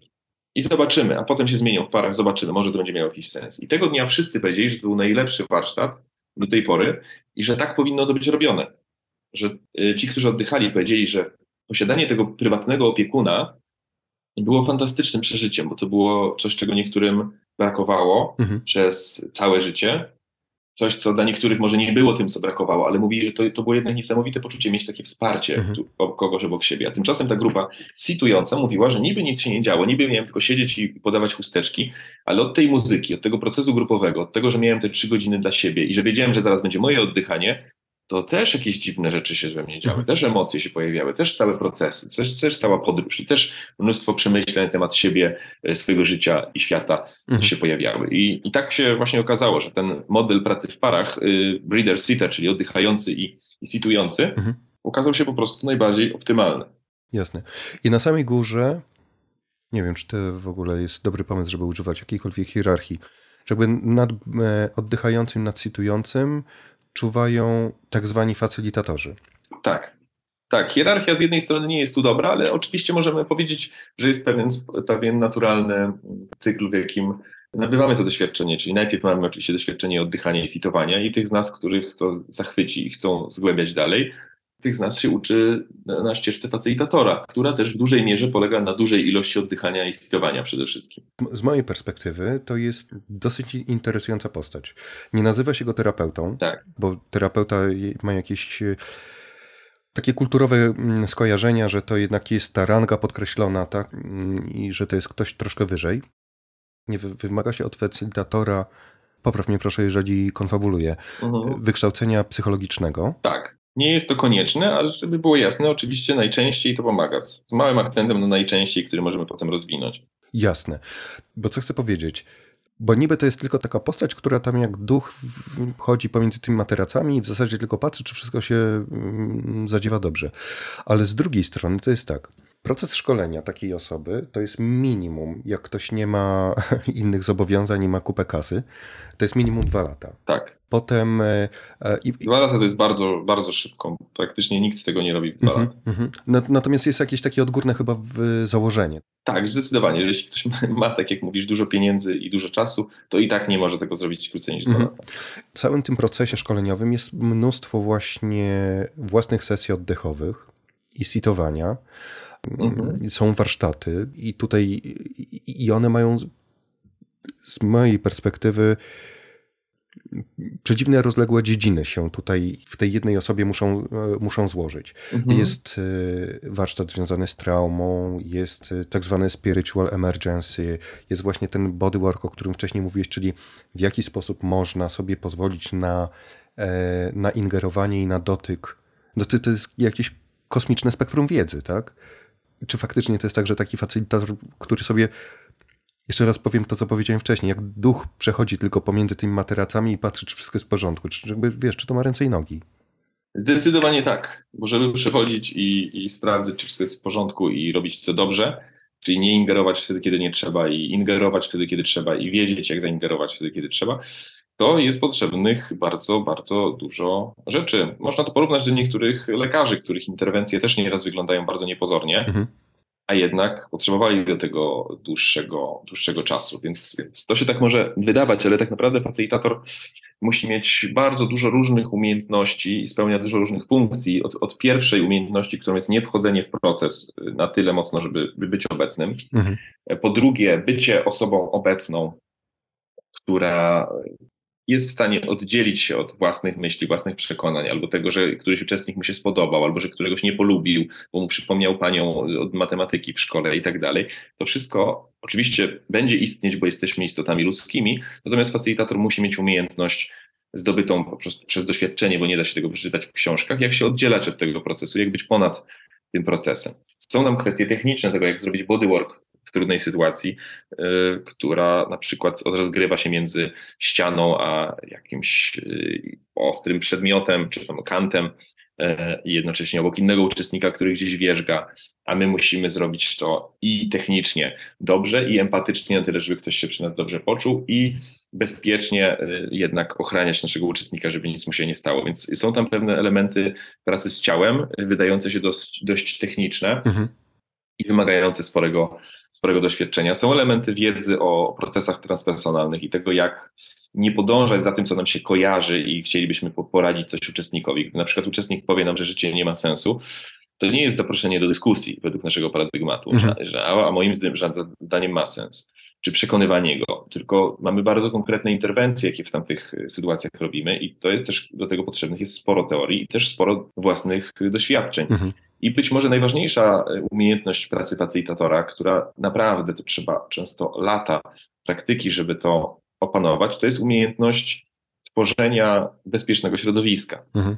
bezpiecznego nie w znaczeniu fizycznym, bo to, to się dosyć szybko da opanować, natomiast bezpiecznego w znaczeniu emocjonalnym i dbanie o to, żeby każde słowo, każdy gest, e, każde zdanie, które się e, powie, każdy ruch, każdy dotyk sprawiał, że uczestnicy się czują bezpiecznie. Mhm. I dopiero wchodząc na tą ścieżkę i widząc, ile jest różnych y, trudności, można zauważyć, że to wcale nie jest taka y, bułka z masłem, żeby to zrobić. Bo cel, cel tak naprawdę, jaki facylitator ma, oczywiście bez żadnego napięcia i, i pracujemy po prostu najlepiej jak umiemy, bez, bez próby przekroczenia y, jakichś własnych nieprzekraczalnych ograniczeń, ale nasz cel jest bardzo wysoki tak naprawdę. Chcemy sprawić, żeby ludzie, którzy wczoraj jeszcze nic nie wiedzieli o tej metodzie, spotkali się grupie 50 obcych osób, potrafili po jednym niecałym dniu spędzonym razem otwierać się często z najbardziej bolesnymi wspomnieniami, traumami, y, częściami siebie, żeby byli w stanie poprosić o pomoc, powiedzieć, że chcieliby się przydulić, powiedzieć, że chcieliby jakiś, e, jakieś wsparcie w postaci dotyku, mhm. E, rozpłakać się, czy wejść w jakąś furię, krzycząc, że, że, że mają wielki gniew na swoich rodziców. To nie są łatwe zadania. Nie, nie, nie. Żeby coś takiego zrobić i, i też z, z dużą radością powiem, że często taki feedback słyszymy, że to się udało i że, że, że jest to możliwe do zrobienia. Natomiast ja pamiętam, że ja robiłem trening w 3,5 roku, mhm. tyle zajęło to u mnie i to też było w miarę szybko. I ja pamiętam, że po skończeniu tego treningu to dopiero raczkowałem w tej kwestii. Mhm. Jasne. Że, że nawet wręcz zadawałem pytanie, co mam robić, bo ja się boję, że, że mi się to nie uda tak dobrze robić, jak, jak wam, mówiłem do moich nauczycieli. Mhm. I oni mówili oczywiście, że realistycznie pewnie się nie uda, ale rób swoje i za jakiś czas też będziesz tak umiał. I faktycznie e, z czasem ten trening, jak to się mówi, czyni mistrza, mhm. więc z czasem ta umiejętność tworzenia tej bezpiecznej atmosfery i też bycia taką osobą, bo to nie chodzi o to, że na co dzień jesteśmy kawałem krytycznej, hamskiej y, osoby, która do wszystkich się czepia, ale na warsztacie poudajemy chwilę, że jesteśmy mili i żeby uczestnicy się poczuli dobrze, bo to, to jest dosyć trudne. Trzeba być, być aktorem na poziomie Roberta De Niro, myślę, żeby coś takiego móc zrobić. Tak. Y, więc raczej to jest praca nad sobą i też w podobny sposób podchodzenie do swoich własnych części. Mhm. Y, nie na zasadzie, że jest jakaś jedna część, która powinna być taka, a reszta się musi dopasować, tylko objęcie tych wszystkich naszych części takich, jakimi są, akceptacja, empatia do samego siebie mhm. i wtedy ten proces naturalnie będzie przechodził też na nasze relacje z innymi ludźmi. Tak samo będzie nam łatwiej, łatwiej empatyzować z inną częścią innej osoby. Mhm. Mm, mnie tu przychodzi do głowy taki kawałek, e, mhm. właśnie sobie otworzyłem twoją książkę. Ja zacytuję, dobra? Oczywiście. Kluczem do pracy w poszerzonych stanach świadomości nie muszą być wcale wybitne zdolności terapeutyczne i szeroka teoretyczna wiedza na temat psychologii, tylko pewien specyficzny rodzaj empatycznej obecności. I myślę, że to całkiem nieźle podsumowuje to, co powiedziałeś, że to, kim jesteśmy i w jaki sposób możemy stworzyć przestrzeń i trzymać tę przestrzeń na to, co tam się wydarza, mhm. tworzy sukces tego, w jaki sposób mogą ludzie wejść w pracę, a potem, co jest dla mnie jakoś niezwykle istotne, tak. podzielić się swoimi doświadczeniami, bo to wiesz, to, że ja sobie tam, tak sobie to wyobrażam teraz, tak, e, położę się na materacu, mhm. ponapierdzielam w poduszkę, e, trochę sobie popłaczę, to jest, to jest pikuś, ale potem to, wiesz, e, wyobrażam sobie sytuację, gdzie, wiesz, siedzi 50 osób w, w kole mhm. i jest ten tak zwany sharing, o tym może jeszcze będzie chwilka czasu, żeby powiedzieć i podzielić się tym, co tam wyszło, wychodzą bardzo bardzo intymne historie. Oczywiście. I to jest właśnie ta niebywała umiejętność, yy, której się nie da przecenić, moim zdaniem. Tak, tak, zdecydowanie. Natomiast chcę zaznaczyć, bo zadałeś takie pytanie i trochę w pewnym momencie od niego odpłynęliśmy, że ta wiedza teoretyczna jest potrzebna. Naprawdę, bo, bo jedna rzecz to jest stworzyć komuś pozytywną atmosferę na warsztacie. I tu sobie wyobrażam, że, że można by y, pójść tak w skrajny, że człowiek w ogóle niepiśmienny, który nie wie nic o psychologii, ale ma po prostu, nazwijmy to kolokwialnie, dobre serce, że może stworzyć, że może być takim dodatkiem do teamu, który się uśmiecha, który podchodzi, wszystkim patrzy w oczy, przytula ich i, ludzie mówią, wow, że przy tej osobie, ta osoba jest wyjątkowa, przy niej się czuje bezpiecznie. Mhm. Ale jednak, gdy będzie trzeba chociażby porozmawiać z tą osobą później o jej procesie, czy wesprzeć ją w jakiejś trudnej sytuacji, czy zrobić jakiś miks terapeutyczno-facylitatorski, no to, to jednak ta wiedza teoretyczna jest niezbędna. Nie da się bez tego mhm. E, po prostu przejść dalej. Jasne. E, super, że to podkreśliłeś choćby z tego powodu, że to e, słuchaczom może zdjąć taką wizję, wiesz, jako metody, że mhm. jesteśmy tutaj cholernie empatyczni i to wystarczy do tego, żeby sobie, wiesz, oddychać holotropowo, tak? Żeby nie, tak. czy dementujemy. Nie, nie, nie. Zdecydowanie nie. Ta metoda jest połączeniem różnych rzeczy i o ile bez empatii się nie da kompletnie e, przejść dalej, to znaczy jeśli ktoś ma problemy duże z empatią i kontaktem z ludźmi, mhm żeby to nie zabrzmiało wykluczająco. Prawie każdy ma jakieś problemy z kontaktem z ludźmi i po to też jest trening, żeby się tego nauczyć i żeby móc je w jakiś sposób przejść. Natomiast jeśli ktoś ma nierozwiązywalne problemy mhm. Y, w kontaktach z ludźmi, to choćby był nie wiem jak inteligentny i nie wiem ile znał teorii, po prostu nie skończy tej szkoły. Jasne. I prawdopodobnie dowie się o tym dosyć szybko. Natomiast jeśli ktoś ma dużo empatii i ludzie się czują przy nim bezpiecznie, ale brakuje mu wiedzy teoretycznej, to myślę, że przed nim stoi lepsza kariera z tych dwóch skrajności, że, że, da się coś z tej osoby, e, mówiąc kolokwialnie, wycisnąć, mhm. chociaż nadal oczywiście byłby ogromny nacisk, że czas nadrobić tą teoretyczną sferę, że mentalna sfera jest również, również bardzo ważna. A jak jesteśmy przy tym temacie, bo to jest tak, przyprowadziłeś Tomku tę metodę do Polski, tak? Mhm. I na ten moment są dwie osoby z pełną certyfikacją w programie i to się nazywa Growth Transpersonal Training. Mhm. I jakby są pewne założenia odnośnie ilości facylitatorów na warsztacie. Czy jakby jeden facylitator, tak. powiedz proszę, to jest jeden facylitator na sześciu uczestników, czy na... Sześciu to byłoby idealnie, na ośmiu to jest już tak ostatecznie akceptowalne, na, na czterech to już jest luksusowo, bym powiedział. Jasne. No tak, ale jeżeli mamy 50 y, uczestników, to, to potrzebujecie posiłki. Tak, to znaczy po pierwsze nie muszą wszyscy skończyć szkoły, Aha. Mm, tylko mogą być w trakcie tej szkoły. Aha. I to jest nasze najczęstsze rozwiązanie, tak naprawdę, że bierzemy osoby, które już są dosyć daleko w treningu i nie wszystkich naraz, żebyśmy nie mieli nagle sześciu nowicjuszy na jednym warsztacie, bo to więcej może przynieść nam problemów niż pożytku. Jasne. Ale stopniowo wprowadzamy ich tajniki tej pracy, dając im coraz trudniejsze zadania, coraz większą odpowiedzialność i samo to już wystarczy, bo też oczywiście, podobnie jak w wielu innych na pewno podejściach terapeutycznych, sama certyfikacja y, to jest jedna kwestia, natomiast najważniejsze to jest to, ile ktoś ma doświadczenia. Mhm. Doświadczenia zarówno w postaci godzin i, i procesów, które zrobił, ale też doświadczenia w postaci szeroko rozumianej superwizji. To znaczy nie wystarczy coś robić 100 razy, żeby to robić dobrze. Można robić coś 100 razy źle i coraz gorzej. No tak. E, więc tutaj ta kwestia jest taka, że w holotropowym podejściu zawsze staramy się feedbackować różne osoby z siebie nawzajem tak, że niezależnie od tego, ile mamy doświadczenia, bo zawsze coś nam może umknąć, zawsze ktoś, kolega po fachu nawet o podobnym poziomie doświadczenia, nie znaczy, że musi być naszym mistrzem, może zwrócić uwagę na jakiś szczególik, Jasne. który nam umknął, więc, więc ten y, aspekt ciągłego szkolenia się, ciągłej pracy, feedbackowania oczywiście też pozytywnych rzeczy, które robimy, mhm. ale, ale zwracanie uwagi, że tutaj to, to można byłoby tak zrobić. I takiego szczerego też dzielenia się swoimi wątpliwościami, że ja miałem taki proces z tym uczestnikiem, było to dla mnie trudne, co byście zrobili na moim miejscu. Te, to sprawia, że początkujący facilitator nabiera często dość szybko dużego doświadczenia i Super. To... I u nas to, to dosyć mocno widać, szczególnie w Polsce, gdzie tych warsztatów robimy bardzo dużo mhm. i, i, często, więc nasi y, podopieczni wchodzą na certyfikację na przykład mając 100, 150 sesji już za sobą, więc, więc oni wchodzą. Naprawdę? Tak, więc oni wchodzą z takim poczuciem, że, że, że to nie jest egzamin, że to jest raczej coś, co, co jest łatwiejsze niż ich codzienna praca. Mhm. Bo skoro przez 100 razy byli na warsztatach z, z prawdziwymi uczestnikami. I nikt ich nie wywalił. Tak, i nikt ich nie wywalił do tej pory, co czasem też się zdarza, i, i, ale, ale już nie idźmy w ten temat. Mhm. Y, to na certyfikacji, gdzie pracujemy już w grupie facylitatorów, to tak naprawdę jest bułka z masłem. Mhm.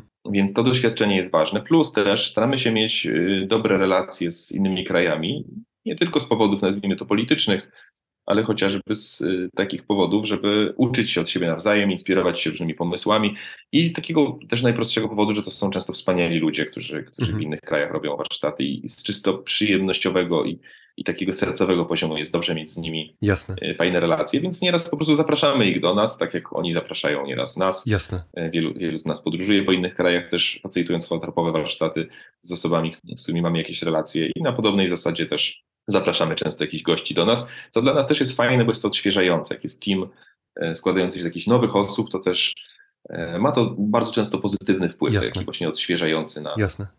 Wiesz co, powiedziałeś, że mm, utrzymywanie kontaktu mm, z facylitatorami z różnych krajów ma ten aspekt związany z poszerzaniem swojej wiedzy, ale czy to wynika mhm. z, z różnic kulturowych, że na przykład ludzie w Irlandii trochę inaczej, y, gdzie indziej akcentują pracę, albo na przykład ludzie w Irlandii mają inne problemy, Myślę, że nie aż tak. Myślę, że nie aż tak, że, że pracowałem, ja pracowałem w 17 krajach. Mhm. E, na czterech kontynentach, mimo wszystko powiedziałbym, że te różnice nie były aż tak duże. Szczególnie jeśli się nie mówi o tym. To znaczy, y, nie mówi, y, już mówię o co chodzi, że w terapiach, które są mówione bardziej, podejrzewam, że gdybyśmy robili jakieś ćwiczenia z, właśnie z behawioralnej psychoterapii, mhm. te różnice mogłyby się bardziej okazywać. Że na przykład byśmy mówili, że gdy robimy ćwiczenie z konfliktami wewnętrznymi, to w tym kraju te konflikty bardziej dotyczą, nie wiem, małżeństwa, a, te, a tu tym bardziej pracy, mhm. załóżmy. Pewnie byśmy wtedy to wyłapywali. W oddychaniu holotropowym, przez to, że pracuje się na ciele, głosie i tak dalej, to ja mam takie ogólne wrażenie, że te procesy są we wszystkich krajach 80 do 90%, czy nawet do 95% bardzo podobne, jeśli nie identyczne. To znaczy, gdybym miał zapis sharingu na przykład, tak już mówiąc, w taki badawczy sposób, gdybym miał zapis sharingu jakiegoś słowo w słowo, mhm. przetłumaczony na polski, tak żebym nie wiedział, jaki to jest język, mhm. to jest ogromna szansa, żebym nie był w stanie poznać, z jakiego to jest kraju. Jasne. Ktoś by powiedział, że tu mam sharing hiszpański, tu mam e, irlandzki, tu mam norweski, tu mam grecki, tu japoński mhm. i tu polski. Może odrobinkę bym ten japoński po czymś tam mógł rozpoznać, mhm. ale tak poza tym myślę, że byśmy mieli tak naprawdę duży dylemat, który jest czyj. Jasne. No właśnie, e, e, a, a, różnice kulturowe są pomiędzy Europejczykami a Japończykami gigantyczne. To są w ogóle różne, kompletnie różne kultury. A jednocześnie to, co mówisz, to pokazuje, i znów popraw mnie proszę, jeżeli się mylę, że my wszyscy nosimy bardzo podobne problemy. Zdecydowanie tak, zdecydowanie tak, jak najbardziej. Tak. Patrzę na zegarek, mamy jeszcze chwilkę. To ja jeszcze, to, to jeszcze poproszę tam. Mhm, oczywiście. Ale troszeczkę od drugiej strony chciałbym, e, chciałbym o oddychaniu holotropowym. E, mhm. Powiedziałeś, że są ludzie, którzy nie przechodzą weryfikacji i po prostu nie nadają się. W... Mhm. Tak, jeden z, jeden z osób bardzo inspirujących mnie w kontekście pracy z ministrami, czyli Claudio Naranjo powiedział, że jakby no to nie jest droga dla każdego, po prostu nie każdy może być, on to ujął terapeutą psychodelicznym czy szamanem, ale tak samo nie każdy może być facilitatorem. Jasne. Przede wszystkim dlatego, że nie każdy by chciał, bo to jest bardzo wymagająca kwestia i trzeba naprawdę kochać tę pracę, żeby mierzyć się z różnymi wyzwaniami, które się z nią wiążą, ale też niestety nie każdy może. Mhm. Są pewne uwarunkowania, zazwyczaj takie, które sprawiają, że ktoś nie widzi tego nawet i nie chce tego zmieniać, które z naszego punktu widzenia nam y, uniemożliwiają wydanie pozwolenia na pracę takiej osobie i myślę, że to jest dobre, no, że tak jak w szkole psychoterapii nie można przyjąć absolutnie każdego, szczególnie każdego, kto przejdzie przez tą szkołę na przykład, nie wiem, nie angażując się, nie pracując nad pewnymi rzeczami, które są mu zwracane, albo nie, nie przyswajając materiału, no to, to, to nie jest podstawówka, gdzie chcemy każdego przepchnąć na siłę, żeby mu nie robić problemów. Oczywiście. Tylko jest to jednak y, podobnie jak przy kursie na pilota, no nie można każdemu pozwolić być pilotem. To mamy kwestię facylitatora, ale są jeszcze kwestie uczestników. Tak naprawdę dwóch punktów chciałbym się zaczepić. Mhm. Po pierwsze, czy to jest dla wszystkich? Czy są na przykład e, grupy ludzi, którzy, którym byś nie zasugerował takiego rodzaju pracy, albo wręcz e, odmówiłbyś pracy tą metodą? I to jest jakby jedna część. A, a, a druga część, e, oddychanie holotropowe i w ogóle odmienne, poszerzone stany świadomości mogą być niezwykle magnetyczne to może również mieć taki aspekt ucieczkowy, y, że, że zamiast terapii to my te holotropowe stany będziemy używać jako ucieczkę od rzeczywistości, gdzie jakby z, z definicji nie temu to służy. Mhm. To raczej służy temu, żeby wydobyć coś do wydobycia, przepracować to po prostu, mhm. zintegrować w życiu, tak? Mhm. Wyszło zło, złożone pytanie. To może na, na początek komu, komu nie bardzo, a komu w ogóle nie, nie poleciłbyś tej metody pracy? To pytanie ma kilka kwestii. Po pierwsze, być może najprostsze, na pewno bym nie polecił osobie, która słucha tego podcastu, słyszy o tym i myśli, to nie dla mnie. Bo uwierzę w pewien sposób naturalne przyciąganie, że jeśli ktoś nie jest zaciekawiony, uważa, że ta metoda, gdzie ludzie nie wiem, krzyczą, płaczą, jest głośna muzyka, e, jest trochę nieprzewidywalna, nie wiadomo, gdzie ten proces pokieruje. Jeśli to jest nie dla tej osoby, no to uważam, że, że jest to racja. Mhm. To nie jest dla tej osoby po prostu. I, i ufam w to, że, że osoby, które często słyszą o tej metodzie i mówią, chcę spróbować, to są często osoby, które właśnie najbardziej korzystają. A osoby, które nie chcą, prawdopodobnie w którymś momencie tego procesu pojawiłoby się coś, co, co ich i tak jakoś zniechęci, zamknie, wywoła opór. Mhm. To, to nie jest magiczna jakby przestrzeń, gdzie każdy się pojawi i od razu się czuje lepiej. Więc to jest taka pierwsza, mhm. Podstawowa sprawa. Najbardziej taki naturalny barometr, moim zdaniem. Mhm. Druga kwestia jest taka, że w, szczególnie w warunkach, jakich e, pracujemy obecnie, czyli są to warsztaty, gdzie ludzie po warsztacie idą do domu, e, nie możemy pozwolić na to, żeby pewne cięższe zaburzenia psychiatryczne mogły się pogłębić pod wpływem takich warsztatów. Mhm. To jest ciekawa sprawa, bo Grof z takimi zaburzeniami pracował, ale on pracował w innym kontekście. Pracował w kontekście szpitala psychiatrycznego, gdzie były leki, gdzie były pielęgniarki, gdzie było 24 godziny opieki, mhm.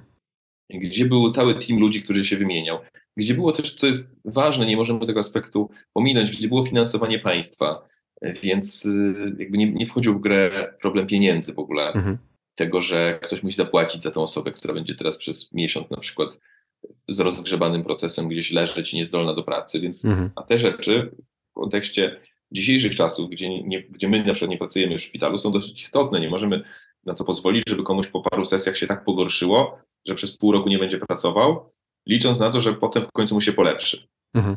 Bo tak przy dużych zaburzeniach takie procesy mogą wyglądać. Więc mimo tego, że w teorii można by pracować nad takimi procesami, y, również oddychaniem, czy również psychodelikami, to w praktyce, zarówno my w oddychaniu, jak i podczas badań psychodelicznych prowadzonych obecnie, raczej się wyklucza te osoby, ponieważ nie ma na to zasobów, żeby móc y, zapewnić wsparcie i bezpieczeństwo w tak trudnym i pełnym wyzwań procesie. Czyli niestety osoby, które mia mają lub miały epizody psychotyczne, E, choroba dwubiegunowa mhm. z, z manią, która może być naprawdę destruktywna, też powinna być dość e, wykluczająca i nie powinniśmy takiego ryzyka podejmować. Jasne.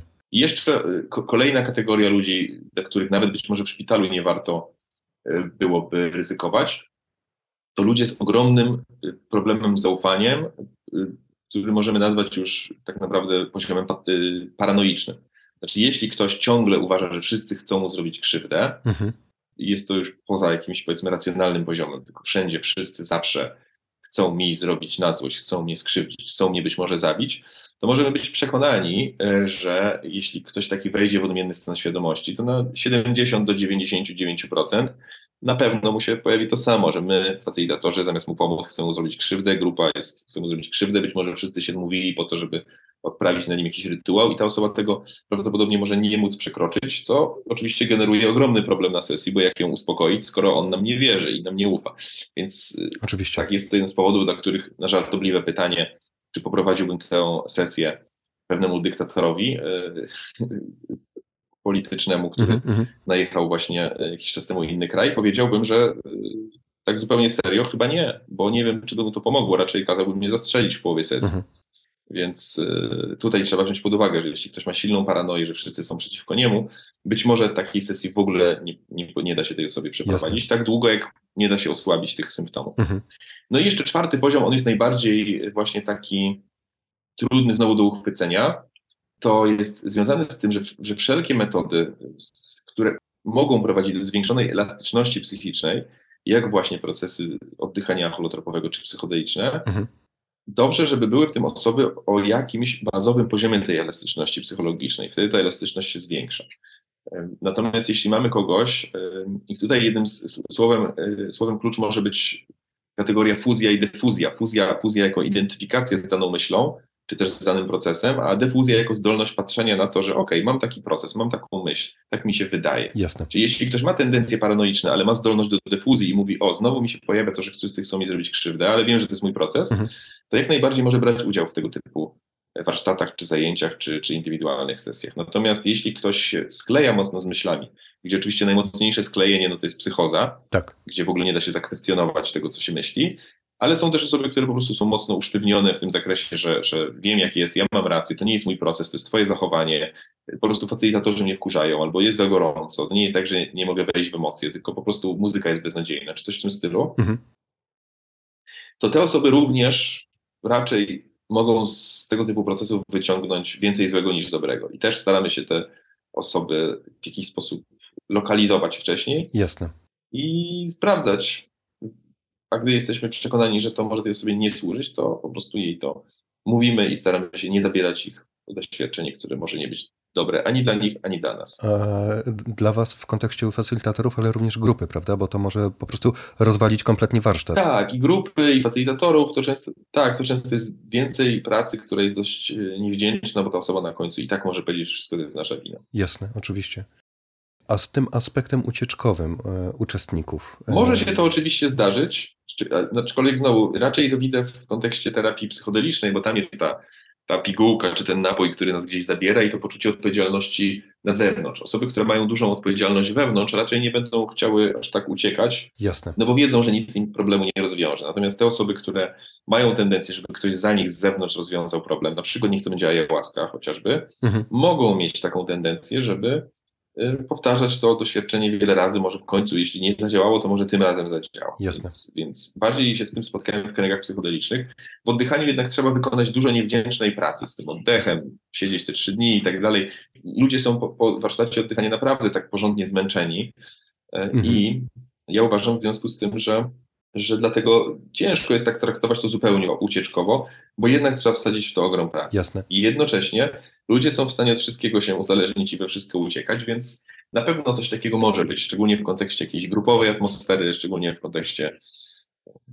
Ale też wydaje mi się, że bardziej te relacyjne potrzeby i chęć przynależenia do grupy mogłaby być kusząca dla niektórych osób. Jasne, bo to, bo, bo to jest jakiś taki też y, y, fenomen, wydaje mi się, że, że relacje, które tworzą się w trakcie takich warsztatów, one są nie byle jakie. Tak, więc wydaje mi się, że zdarzyły mi się takie powiedzmy myśli, że być może jakiś uczestnik przychodzi już z przyzwyczajenia raz czy dwa, mhm. natomiast zazwyczaj y, po prostu wtedy ten proces jest na tyle mało wnoszący, że, że nieraz się łapałem na tym, że ten uczestnik, o którym ostatnio myślałem, że przychodzi już z przyzwyczajenia, to teraz nie przyszedł. Mhm. Czyli jakby zobaczył, że nie dostanie tego, co, co chciał. Mhm. I w tym sensie cała metoda oddychania jest bardzo, po angielsku jest takie ładne słowo empowering, czyli jakby dająca moc do osoby, do uczestnika, że to nie, nie guru uzdrawia, nie, nie wspaniali facylitatorzy uzdrawiają swoim dotykiem, mhm. tylko każdy swoją własną ciężką pracą. Mhm to, co zrobił. Więc jest to w sensie takie trochę antidotum na takie szukanie właśnie prostych, łatwych rozwiązań na zewnątrz. No nie, bo widzimy, ile pracy nas to kosztowało. Nawet jeśli po warsztacie oddychania przyszliśmy jakąś przemianę i czujemy się fantastycznie, to wiemy, że ona jest w pocie czoła e, wykonana i bardziej przypomina maratoński bieg, w którym ok, możemy się zachwycić wynikiem i emocjami, które mamy po, ale nie możemy powiedzieć, że to było delikatne i, i, lekkie doświadczenie, które samo przyszło. No tak. Ale aczkolwiek, skoro są ludzie, którzy przesadzają z bieganiem, mają jakiś pewien poziom niezdrowej relacji z tym bieganiem, na pewno będą tacy, którzy mogliby to samo zrobić z oddychaniem. Natomiast z takimi przypadkami chyba do tej pory się jeszcze jakoś nie spotkałem. To, co powiedziałeś, Tomku, ja to powiem tak trochę swoim językiem, że oddychanie holotropowe to nie jest spacerek po parku. Tak. E, wyobrażam sobie, że to jest duży wysiłek dla facylitatorów. E, tak. Ewidentnie jest to duży wysiłek e, dla uczestników. Tym bardziej, że tam się dotyka no, no właśnie, żeby, żebyśmy nie pominęli tego, po co w ogóle jest ta praca. Mhm. Że tam się na, naprawdę dotyka takich grubasów. Tam wypływają jakieś traumy tak. z dzieciństwa. Tak. Taki trzydniowy warsztat potrafi złowić z bardzo głębokiego dna, z głębokiej studni dużo mułu. Mhm. Tak może być, dokładnie. Wydaje mi się, że też jest jakiś rodzaj tego wewnętrznego sterowania przez, przez ten Inner Healing Wisdom. Aha. Natomiast, czyli że niektóre sesje są trudniejsze, niektóre łatwiejsze, zdarza się, że ktoś miał bardzo trudną sesję, a na kolejnej po prostu zasypia i odpoczywa. Także tutaj ten mechanizm jest, czuć jakby było tam jakieś sterowanie. Jasne. Co nie zmienia faktu, że są osoby, które przychodzą, no miały, jeśli miały ciężkie dzieciństwo, to mogą mieć 10, 20, 30 sesji bardzo ciężkich. Mhm. I gdy mówię o ciężkim dzieciństwie, mam na myśli czasami naprawdę straszne rzeczy, które jak się słucha, to się ma wrażenie, że się słucha jakiegoś filmu wymyślonego, mhm. a tymczasem ta osoba to naprawdę przeżyła i musiała sobie jakoś z tym poradzić, jakoś to inkorporować swoją psychikę, więc potem ogrom tego materiału, który gdzieś jest schowany, jest naprawdę ogromny i ja z sobie myślę, że to się nigdy nie skończy i to trwa naprawdę 10, 20, 30 sesji. Mniej doświadczony facilitator może myśleć, że faktycznie to nie pomaga, to się chyba nigdy nie skończy. Mhm. Ale jest szansa, że się kończy, to żeby, bo tu mówimy o skuteczności metody. Tak, tak, jak najbardziej. Jak najbardziej. Mhm. Praktycznie zawsze każdy proces musi się skończyć, nawet te, o których mówiliśmy, związane z psychozami. Tylko, że po prostu w trakcie psychozy trajektoria tego lotu procesowego może być na tyle niebezpieczna, że i będzie prawdopodobnie na tyle niebezpieczna, że nie warto tego robić poza szpitalem. Jasne. Co nie zmienia faktu, że to się pewnie kiedyś skończy.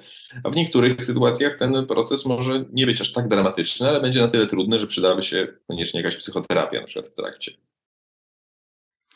Mm, Tomku, powiesz to, wydaje mi się, że y, nasz proces y, dobiegł do końca. Mhm. Mm, bardzo Ci gorąco dziękuję, naprawdę. Bardzo się cieszę, że, że się udało zebrać taki, no, w moim odczuciu, naprawdę wartościowy materiał. Super, to cieszę się bardzo. Trzymaj się, Tomku, dziękuję Ci. Trzymaj się, dzięki. Cześć. Cześć.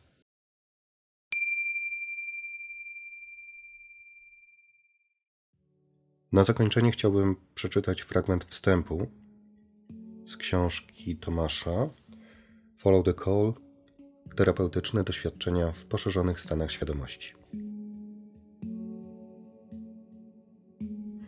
Monika planowała popełnić samobójstwo i zdążyła nawet napisać list pożegnalny do bliskich. Tuż przed ostatecznym aktem przypomniała sobie usłyszany gdzieś fragment mojego wywiadu dotyczący śmierci osobowości. Postanowiła, że zanim nieodwołalnie zabije własne ciało, przetestuje hipotezę z psychologii transpersonalnej, że można doznać symbolicznej śmierci, która również pozwala pożegnać się ze źródłem problemów naszym ja. Zapisała się więc na warsztat oddychania holotropowego, a my na szczęście nie mieliśmy pojęcia, że w tamtej chwili jej życie wisiało na włosku. W trakcie holotropowej sesji przeżyła piękny, uzdrawiający proces, w którym pożegnała niepotrzebną część siebie i poczuła, że rozpoczęła potężną transformację w zupełnie inną osobę. Gdy opowiadała o tym podczas kończącej warsztat rundy sharingowej, cała grupa była niezwykle poruszona, a wiele osób płakało. Monika do dziś żyje, ma się coraz lepiej i co jakiś czas uczestniczy w naszych warsztatach. Wierzę, że szerokie rozpowszechnienie tej wiedzy może sprawić, że dzięki temu zdarzy się choć jedna podobna przemiana. Temu właśnie marzeniu służy wysiłek, jaki wkładam w złożenie tych wszystkich historii w całość.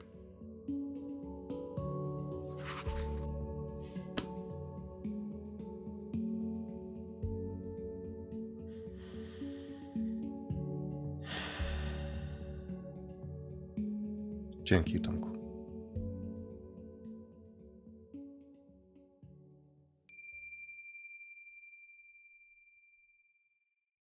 Już króciutko na zakończenie. Niezmiennie można wspierać podcast finansowo na stronie głównej podcastu. To jest podcast.popomoc.org. W banerze jest przycisk sponsor i wystarczy podążać za wskazówkami. Wszystkie osoby, które zdecydują się wesprzeć podcast w kwocie 10 lub więcej funtów, otrzymają ode mnie w ramach podziękowania taką ręcznie robioną drewnianą podkładkę pod kubek z logo podcastu. Bardzo dziękuję za Twój czas. Jeżeli masz chęć, napisz do mnie na adres wdc małpa. A tymczasem wszystkiego dobrego. Do usłyszenia wkrótce. Pa!